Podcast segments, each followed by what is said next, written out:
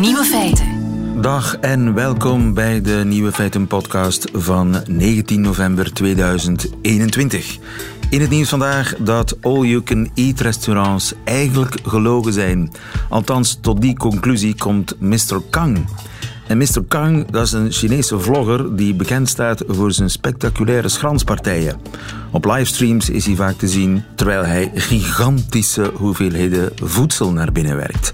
En daar kijken dan duizenden fans naar. De hoeveelheden voedsel die hij eet zijn dan ook indrukwekkend. Zo at hij in een all-you-can-eat restaurant anderhalve kilo varkenspoten.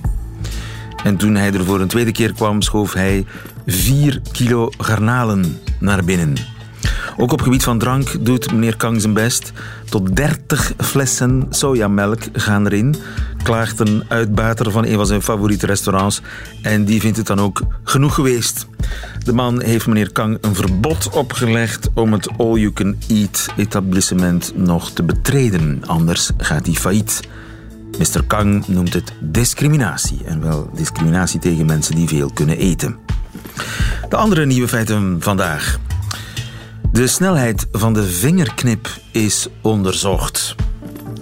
En voor u dat weglacht, dat kan heel belangrijk zijn. NOS-correspondent Sander van Horen verbaast zich over het serene debat in België over de vaccinatieplicht. Hetty Helsmoortel, de wetenschapswatcher, maakt een wetenschappelijk jaaroverzicht 2021 en schuimt daarmee de Vlaamse podia af. En de nieuwe feiten van Jovan Castiel, die hoort u in haar middagjournaal. Veel plezier. Amai, amai. Amai, amai. Radio 1. Amai, amai.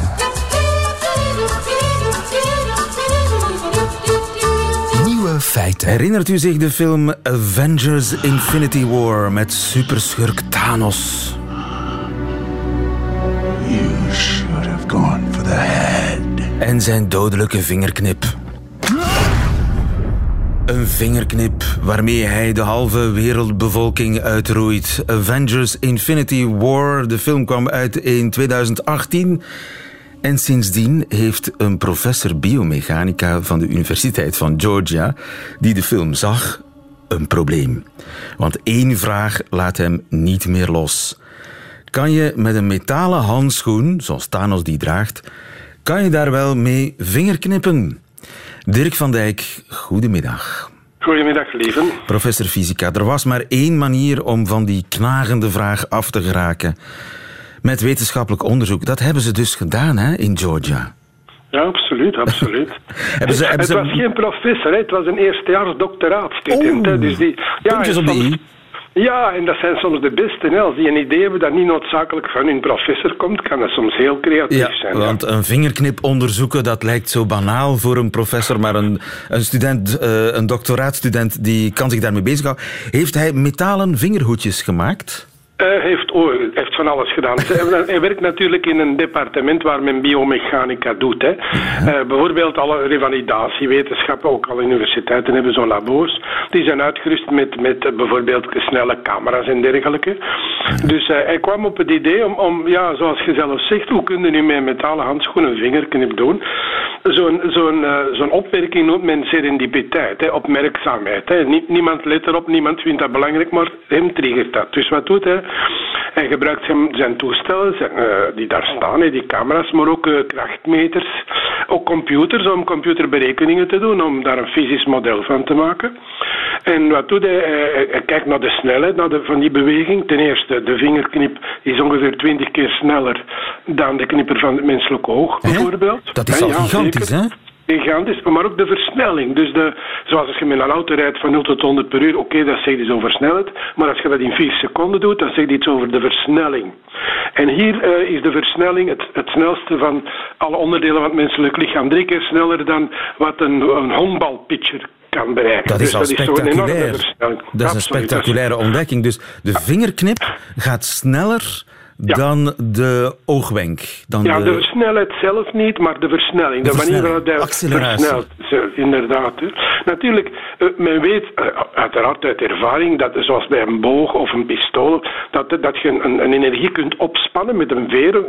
eh, en dat als je die plots loslaat, dan kun je dus hoge versnellingen kunt krijgen. Als je gaat kijken naar, ik zou zeggen, de een, een, een boog die gespannen is en die dan ontspannen wordt, gaat heel snel. Ja. Dus je moet die maar- spanning op die vingers krijgen en Ja, die dan in maar- één keer lossen. Ja, maar is het probleem, als dat te glad is, dan kun je daar geen energie op open. Hè? Dan, dan glijdt het te snel weg. Als het te veel wrijving heeft, ja, dan verlies je te veel energie. Dus de natuur heeft daarvoor gezorgd dat, dat speciaal de vingers dan, de huid, de ideale combinaties van wrijving en soepelheid, die toelaat van toch voldoende energie op te spannen en dan toch voldoende snel terug af te geven. Dus dat is eigenlijk een soort sweet spot, zeg maar, die als het ware ingebouwd zit in de textuur van onze vingers en onze spieren. Absoluut, en- absoluut. En waarschijnlijk zullen onze vingers daar dan nog speciaal gevoeliger van zijn om te weten wanneer je het net moet loslaten Ja. en dergelijke. Het is een wonder. Dus, en, ja, zeker. Nu, gewoon komt dan uw vraag, wat kunt je daarmee doen? Ja, wat komt...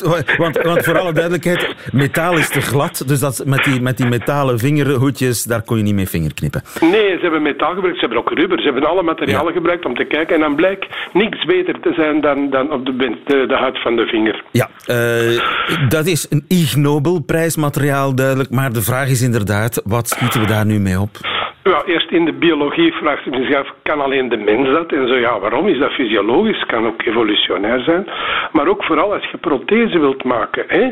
En robotarmen, die, dat mag allemaal niet, niet, niet zwaar wegen. Niet, en dat moet ook voldoende snel zijn. Pas op, men heeft nog geen toepassing. Maar toch, men, eh, men, men, men kijkt meer in die richting. Maar eerst, eerst is natuurlijk kijken hoe de natuur het gedaan heeft. En dan zien hoe je dat kan gebruiken. Hè? Je zou het kunnen gebruiken om beter eh, ja, protheses te maken. Eigenlijk, dat, dat sta- staat ook in het artikel. Ik heb zelf nog niet nagedacht wat er mee nog mee zou kunnen doen. Met de protheses Ja. lijkt het mij logisch.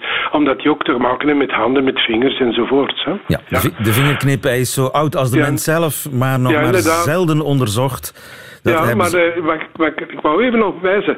Eh, in, in, in 1600 en zoveel heeft, heeft Galvani een, een kikker opgeopereerd en die zag de kikkerpoot bewegen en hij was geïnteresseerd waarom. En dat heeft uiteindelijk geleid tot de ontdekking van elektriciteit. Voilà. Dus eh, dat noemt men serendipiteit. Hè. Gewoon opmerkzaamheid en koppig blijven onderzoeken en dan plots leidt dat tot totaal nieuwe dingen die niet voorspelbaar waren. Ja, nooit een eh, wetenschappelijk onderzoek als eh, banaal wegzetten, zeker niet. Absoluut. Dankjewel Dirk van Dijk. Absoluut. Goedemiddag. goedemiddag. Nieuwe feiten.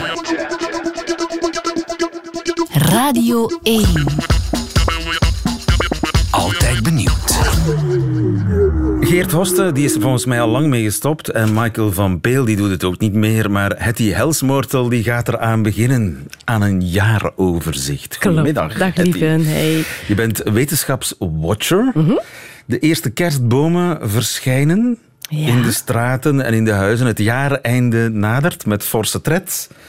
Stilaan tijd voor een terugblik op 2021. Jij gaat dat op een podium doen. Klopt helemaal. En dan nog met een volle focus op wetenschap Aha. ook. Ja, ik kijk terug op het wetenschapsnieuws van het Dus voorbije jaar. Geen politieke toestanden. Dat zit daar altijd een beetje mee vermengd, hè? Oké. Ja. Geen, geen eh, entertainment, geen... Ook eh, wel, er wordt veel gelachen. Oké, maar het, het gaat niet over de nieuwe ABBA is uitgekomen. Maar dat zit er toevallig ook in. Maar het is toch...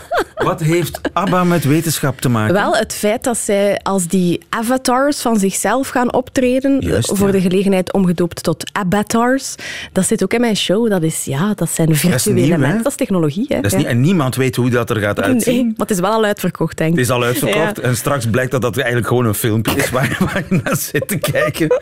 Maar eh, we zijn benieuwd. Nu, ehm, vind je het goed als ik je onderwerp aan een kleine quiz? Oh, ja. over het, het, voor, het bijna voorbije jaar 2021. Oké. Ik heb drie geluidsfragmenten en die verwijzen telkens naar een belangrijke wetenschappelijke Oh. gebeurtenis in het bijna voorbije jaar. Ik ben benieuwd. En ja, als je, je kunt geweldig afgaan natuurlijk, hè, Ja, dat besef en een quiz altijd. Hè? Ja. Maar wat is dit?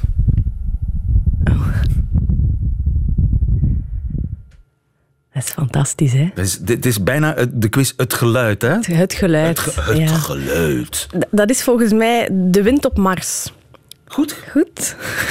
We hebben, Nou, eh, vertel mij alles over de wind op Mars. ja, wel, we hebben sinds 18 februari een nieuwe rover op Mars, die Perseverance rover, hè, bijna tien jaar na de Curiosity.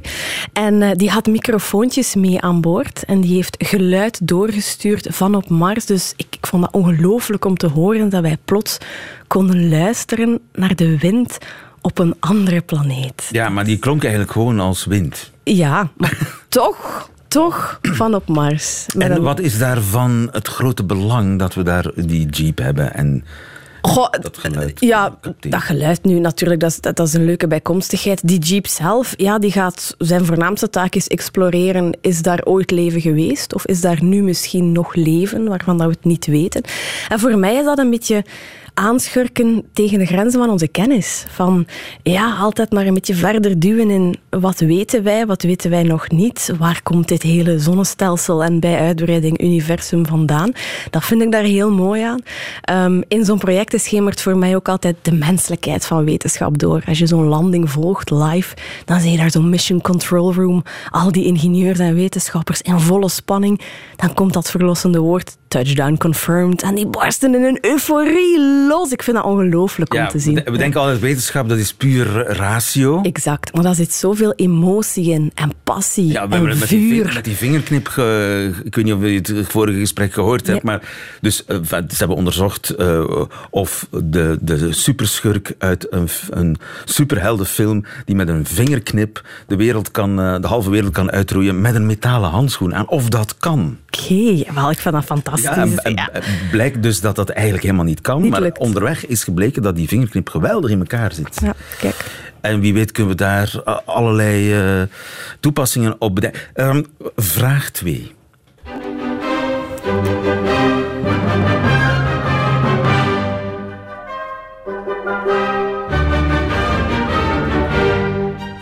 Wat horen we hier? De, de tiende symfonie van Beethoven.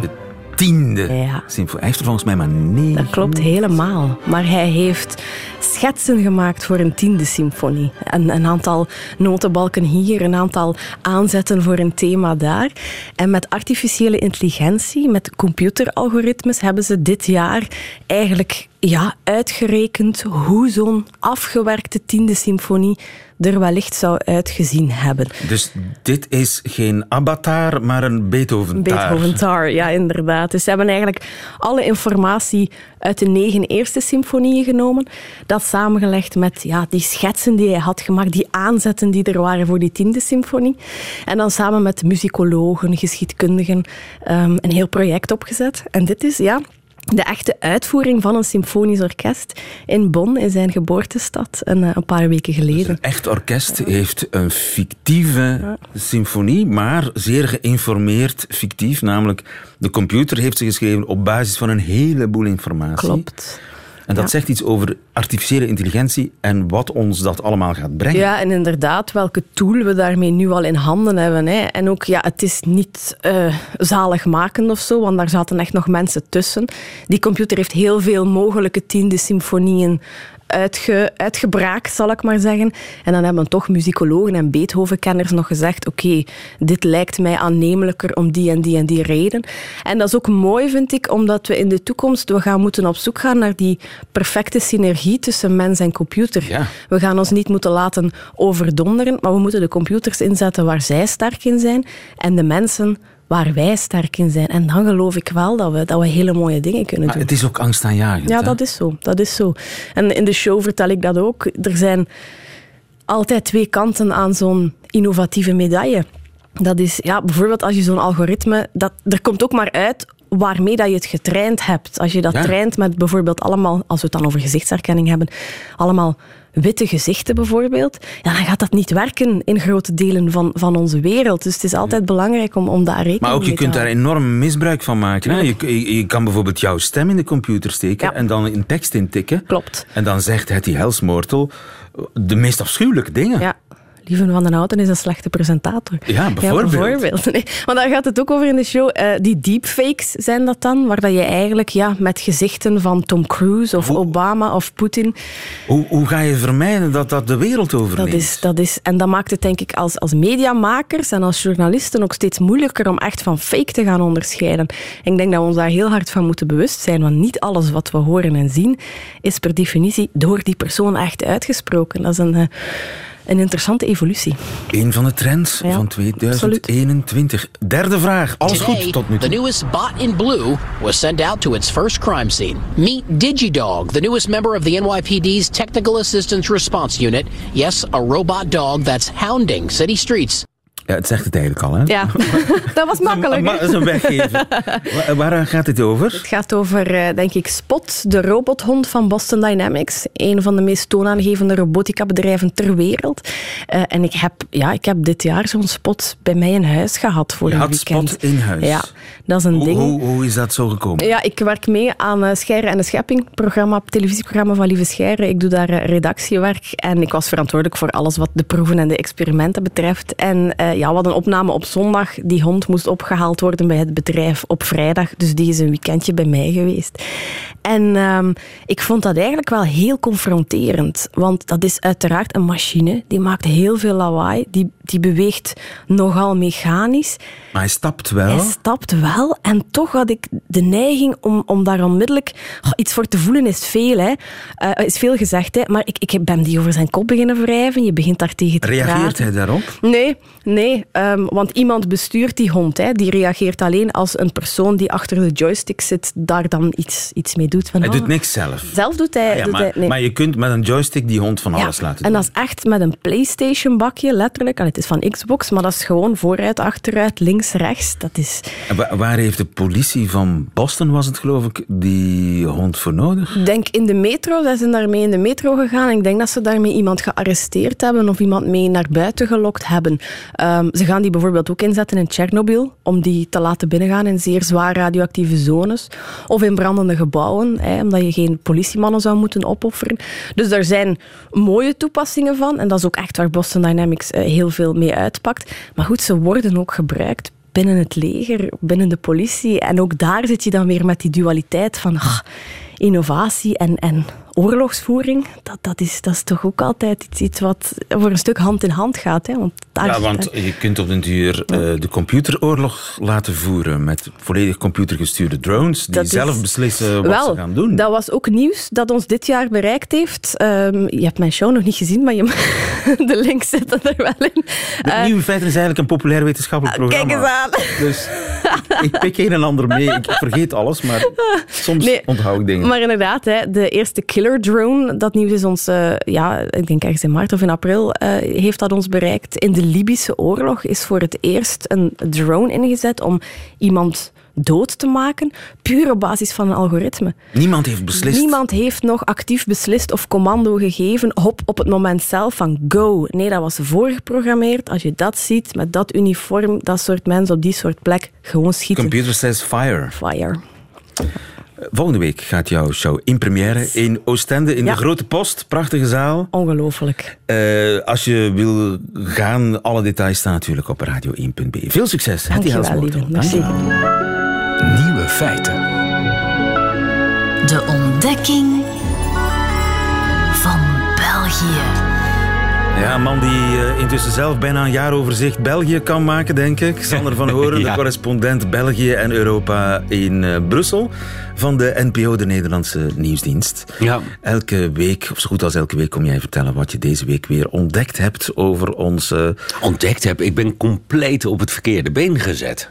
Vertel. Nou ja, de, door dat coronabeleid hier. eh, en dan vooral door Hebben wij een corona? Nou ja, nee, ja, ja, toch wel. Ik bedoel, eh, een beetje doormodderen, hè, zoals iedereen dat eigenlijk doet. Alleen binnen dat doormodderen had ik verwacht dat er eh, een verstrenging aan zat te komen. En had ik verwacht dat er... Zoals in Nederland. Zoals in Nederland, ja, ja, ja. Nederland loopt nu voor op België. Terwijl dat eigenlijk doorheen de hele crisis anders is geweest. Ehm, Strenger in Nederland dan in ja, België. en dus had je verwacht dat er hier met 2G, hè, dus als je eh, alleen maar je QR-code kunt gebruiken als je eh, getest, of eh, sorry, ge, ge- Genezen, genezen of of gevaccineerd. bent. Doe ik het bijna zelf. Getest helpt niet meer, dus Nee, dat is 3G. 3G. maar 2G, dat, dat zit er. Nou ja, in heel Europa begint dat op steeds meer plekken de norm te worden. Is er in elk geval de discussie over. Dat was er ook in België.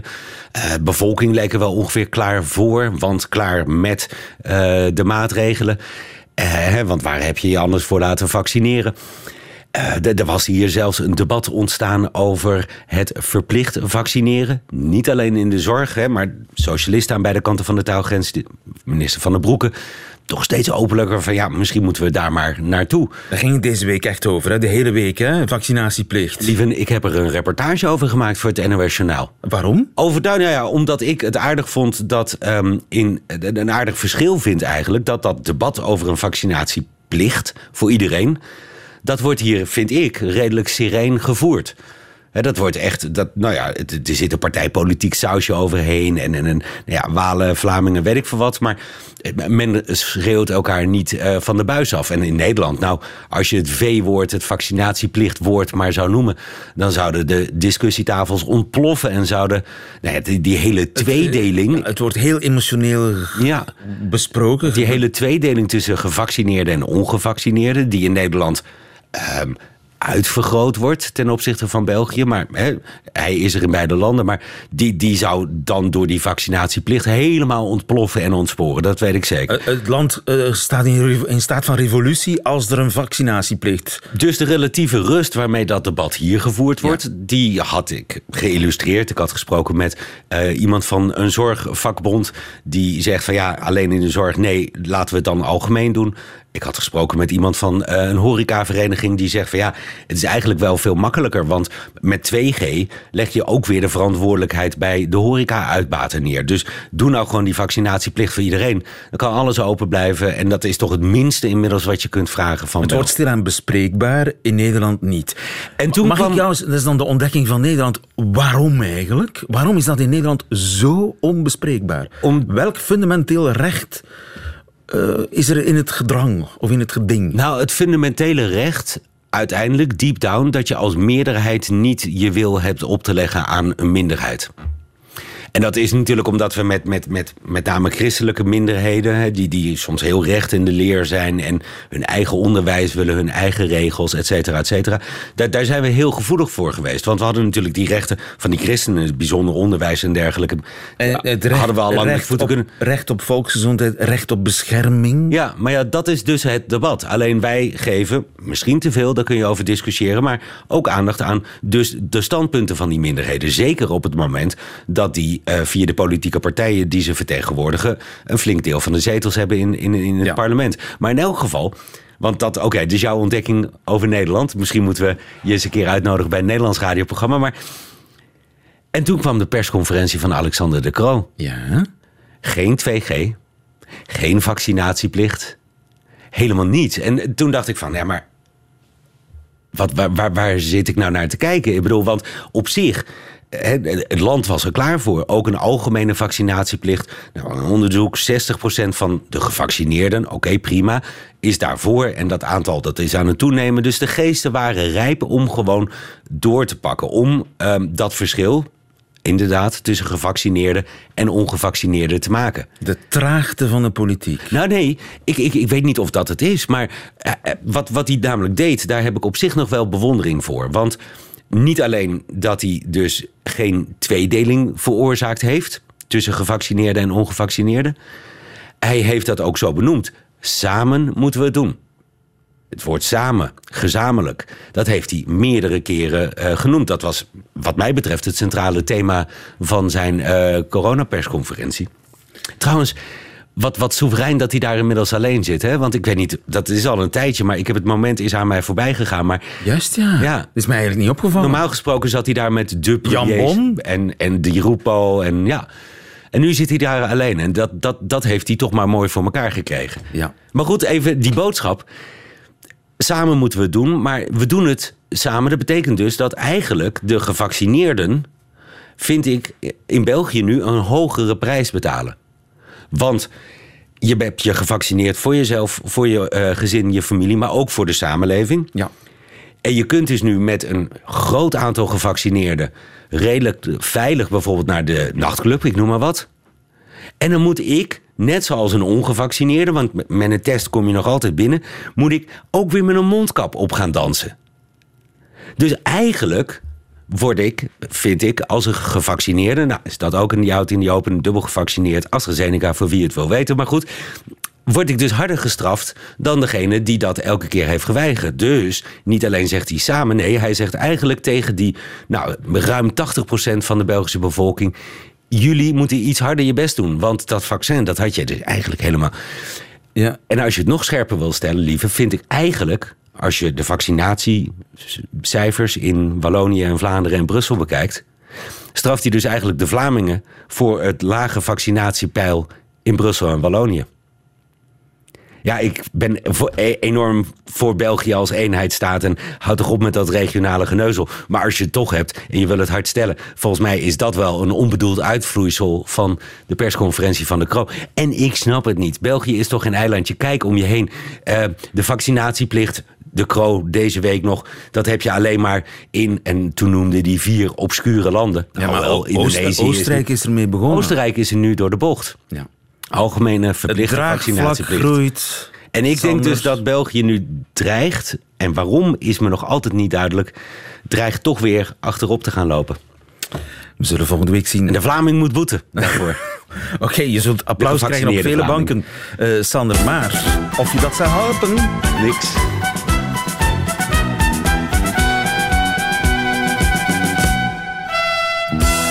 En ik heb het al eens eerder gezegd, Vlamingen zijn sadistisch. Ik word namelijk vrij vaak herkend, eh, mijn stem uit dit programma. En wat ik verteld heb, het doet allemaal niet ter zake, maar die taaltest en mijn falen, dat is echt, ja... Oh, wij genieten daar zo intens van. Wat is een taloor? Oh god, die ben ik wel tegengekomen. Context. Ja. Ja, nee, ja. Lunch. Lunch? Nee, dan weet ik hem niet. Of avondeten kan ook. Een taloor. Eten. Nee, weet ik niet. Een bord. Een bord, echt waar? Een taloor. Nee. Jawel. Waar komt dat vandaan? Telioor? Ik weet het niet. Ik, ik heb geen idee van. Dat is een moeilijk. Dat is een ander programma. Ja, maar oké. daar gaan we ooit. Daar komen we op terug. Een zat. Oh, dit wordt een 0 op 0 aflevering. Geen, geen, geen idee. Maar het. eh, Jat? Ik zal. Ik, ik- kop. Dit, is, dit is een tip. Een slok. Een kop. Een kop. Oké, een kop, inderdaad. Een zat koffie. een jat koffie heb ik nog nooit gehoord. Nee. Welkom in Vlaanderen. Ja. Fourchette. Oh ja, dat is gewoon het Franse woord. ehm, is het nou een mes of een vork? Nou ja, in elk geval of een lepel. Eh, in elk geval een van de drie. Ik ga toch even streng zijn. Je moet, maar je moet het wel zeggen. Dan is het een, eh, een vork. Het is een vork. Ja, 33,3% kans. Ja, maar wacht eens even. Ik heb nog één voor jou. Couverts. Borden, ja. Nee, couverts. Couverts, ja, dat, ja borden. Ja, ja, ja dat Nee, maar, ook wel. Maar, hoeveelheid borden die je wil hebben aan een tafel in een restaurant, ja. dat is het ook. Ja. Maar wij Oh. zeggen ook couverts tegen iets Een anders. couvert voor je kop. dat, dat zou dan iets nieuws zijn. Ja. Couverts. Neem jij, neem jij nog de, heb je nog couverts? Hoor je soms wel eens vragen. Nee, zou ik niet weten. Gewoon bestek. Bestek? Ja. Ah, Maar dat, dat, dat is wel vrij... Ik weet niet, bestek wordt wel meer gezegd. Maar couverts hoor je nog wel eens. maar waar? Want dat is niet algemeen Vlaams. Jawel, overal denk ik in Vlaanderen, maar dan voornamelijk bij de ouderen. Maar je hebt het goed gedaan, eh, Sander. Zodra je één weet, Ja, nee, goed ja, ja, ja, we leggen de lat laag. wist je. Ja. Want eh, een fourchette, dat is een vork. Ja. En samen met een mes is dat een couvert. Ja. Vraag dat maar aan de strangers. Messen en verketten. Ja, de strangers. Ja, heel dankbaar. Lepels, messen en verketten, die gebruiken maar dan wetten om ons eten voor het knalen, eerst in onze mond te dalen. Door ons eten nog het meeste, dan wij schillen met de beesten. Mensen uit de verhistoren zaten daar niet mee geschoren. Die moesten hun vlees in klompen, met bloed aan de binnenstompen. In elkanders oren russen, om hun pollen af te kussen. Smakelijk, het maar smakelijk. Eender zo, het smaakt is het goed. Ziezo, dat waren ze. De nieuwe feiten van 19 november 2021. Alleen nog die van Jovan Castiel krijgt u nu in haar middagjournaal. Nieuwe feiten.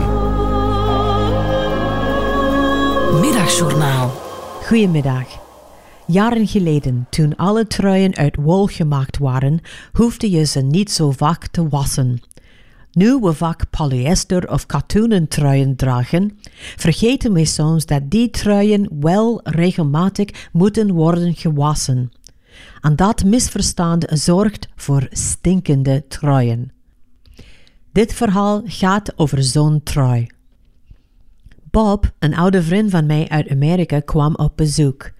Toen hij arriveerde, droeg hij een trui die ik nog herkende van vroeger. Die trui was volgens Bob zijn lucky sweater en hij droeg hem altijd. En die trui stonk zo hard dat ik wist dat Bob hem aan had voor hij het café binnenkwam. Ah, Bob, zei ik terwijl mijn man en ik extra mondmaskers aandeden. Ik zie dat je jouw gelukstrui aan hebt. Yep, zei Bob. Sinds ik deze trui elke dag draag, ben ik nooit ziek geweest. En dat klopte, want de trui zorgde voor een spontane vorm van social distancing. Bob vertelde ons dat hij nog altijd vrijgezel was. En waarom dat zo was, was volgens hem een groot mysterie. Ik twijfelde tussen mijn Amerikaanse directe kant, die wilde roepen: Het probleem is jouw stinkende trui, Bob. En mijn minder directe Vlaamse kant, die niets zei en er stiekem over ging klagen bij mijn man. Ik vond een compromis en ik zei: Hey Bob, er is een oude Vlaamse traditie waarbij wij de truien van bezoekers wassen met speciale Vlaamse zeep. Wauw, zei Bob. Dat klinkt Europees en charmant, maar dat gaat niet, want dit is een wollen trui. Lees het label, Bob, riep ik van achter mijn gasmasker. Lees het label. Bob las gechoqueerd het label van zijn trui. 100% polyester? Maar ik heb deze trui al 15 jaar niet gewassen.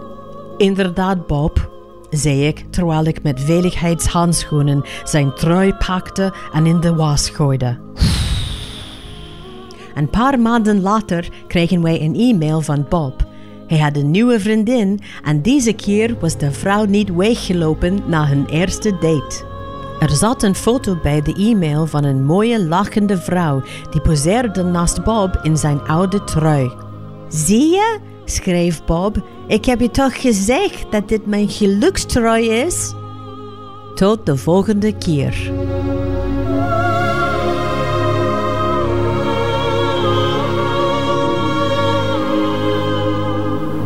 Het leven zoals het is op een Ardense heuvel, een Vlaams-Ardense heuvel, waar Jo van Castiel, de Californisch-Vlaamse comedienne, woont. U hoorde haar in haar middagjournaal. Einde van deze podcast hoort u liever de volledige nieuwe feiten met de muziek erbij. Dat kan natuurlijk on demand via de Radio 1 app of de Radio 1 site. Tot een volgende keer.